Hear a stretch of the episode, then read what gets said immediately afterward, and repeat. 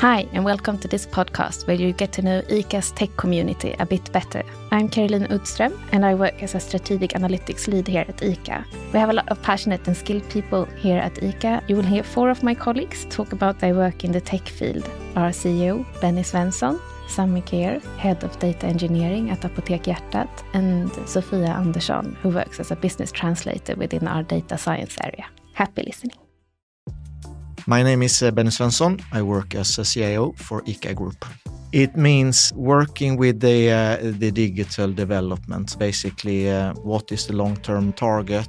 Do we have uh, budgets in place? Do we have organization in place? And do we have motivated and skilled, fantastic people to uh, to reach uh, reach our targets of the company? So it's it's basically making sure that we are together, striving for a um, good customer experience, so that we have IT systems providing data functionality, so that you as a customer can feel that yes, ICA is the place to be my name is Sofia Andersson, and I work as a business translator in the data science team at ICA.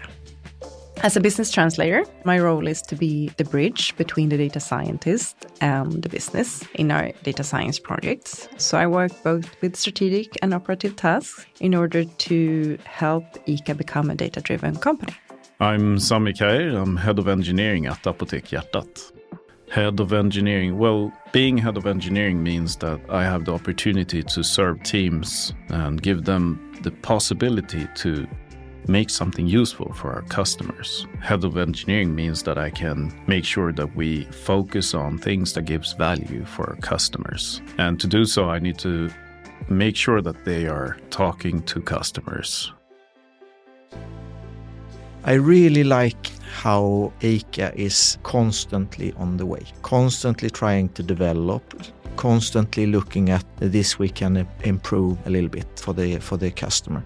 And there are so many corners we can do that. So and, and I really like that to find the opportunities to set up uh, targets and working very strong uh, together with people reaching uh, the goals. That is what I absolutely like the best. Utilizing our data is key in order for us to be able to put our customer in focus and be able to take better decisions and be more efficient. So our data guides us in understanding the customer better and be able to design analytical solutions and our offers better. For me, that's seen in many different ways on the analytical solutions that we developed in various areas. For instance, personalized offers, solution for assortment optimization, next best offer models, but also solutions in analyzing the store network and so on. We had a quite broad spectrum of data and therefore also quite broad spectrum of analytical solutions.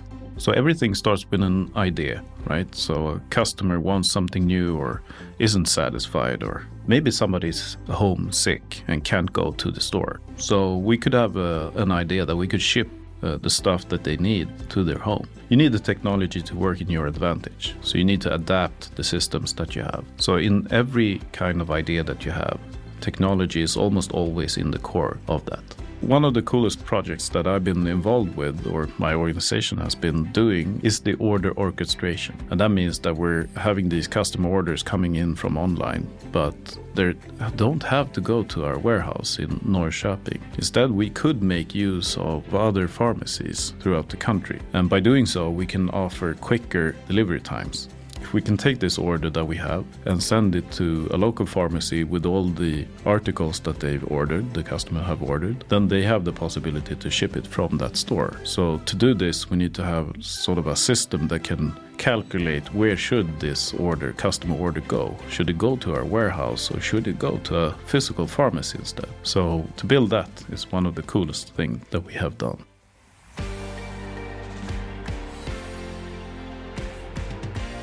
Me personally loves going into the office. I think that's where I get the most energy. I wouldn't fit in a 100% remote uh, company because I'm always energized by meeting our team, working together, and it's the small things. Um, it's ping pong during lunch, or it's the it's the chats in the open office area.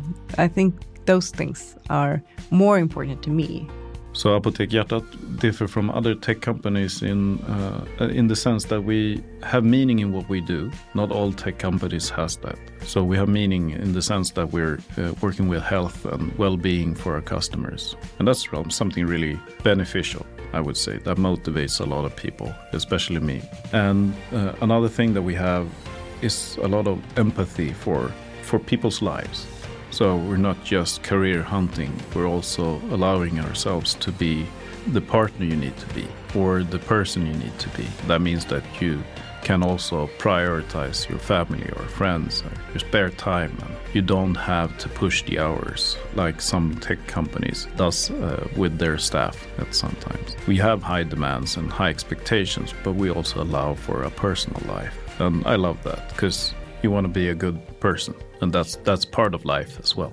When when you feel welcome when you're having these kind of introduction uh, meetings and uh, and colleagues want to share with an honest attitude that uh, the more I understand the better we can work uh, together. That was a good feeling from um, getting the personal touch into it if we take more from uh, from the uh, work point of view, when we uh, came together as a leadership team uh, defining a uh, strategic uh, direction, that was also super good feeling that yes, this is when when result is coming out, when people are focusing on on the growth, when people are focusing on building on each other's uh, comments. That's the feeling I want because I'm really, really in for working uh, together.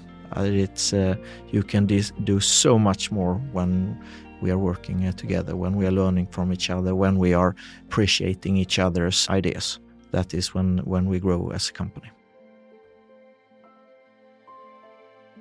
The way I found myself into Apotek Hjärtat was by I wanted to be part of ecom and build something big, large scale.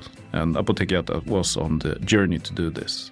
And then Apotek Hjärtat also had a, a, really talented leader at that time that I loved working with. And sometimes you need to select your jobs by the manager you're going to work with. And since I started at Apotek Hjärtat, I've learned that there's a lot of different excellent managers that it's easy to cooperate with that puts high pressure and demands on you, but also guides you and help you and coach you. So if you want to develop uh, skills in a tech area, I, I, I, really believe in ICA the place to be. We are we are investing uh, quite a lot in that, but it always uh, starts with your uh, curiosity and your uh, ambition. This is what I want to do, and then it's a way of finding the ways. Uh, we help each other developing both our our goals, our opportunities, and and doing that, being a bit ambitious on that uh, I'm sure that you will develop both as individual and with our business. I think what I'm most proud of at ICA is the leadership. I find it very important to feel trust in all the leaders at all levels. And I think that's something that is not you can take for granted. And in a time of change, I think this is where people show their true colors. And the last years have been both good and bad times, I guess, both struggling and also very high times, I guess. And I'm very proud of the leadership we have and the responsibility everyone takes. When innovating, you're exploring new things that you haven't done before. That means that you don't have the answer. That implies also that you're gonna make mistakes during the way. And the way to make mistakes is that you try to limit them as much as possible. So you don't want to launch something that's new in large scale. You want to launch something in small scale and find out the uh, feedback and then adapt and adjust to that. And by doing so, you can minimize the errors and the mistakes and so on. And when you're doing something good, when you know that you're doing that, then you can then you can start to scale up and that's sort of how we want to do this. So we're currently when we're rebuilding our ecom business. So last week we uh, deployed new functionality for the checkout, for example, and that starts off with two percent of our customers are seeing the new checkout, and that gives us some time to adopt and uh, to change and adapt the, the errors. Uh, to mitigate the errors, and then we can increase the percent to 4% or 10% or 50%.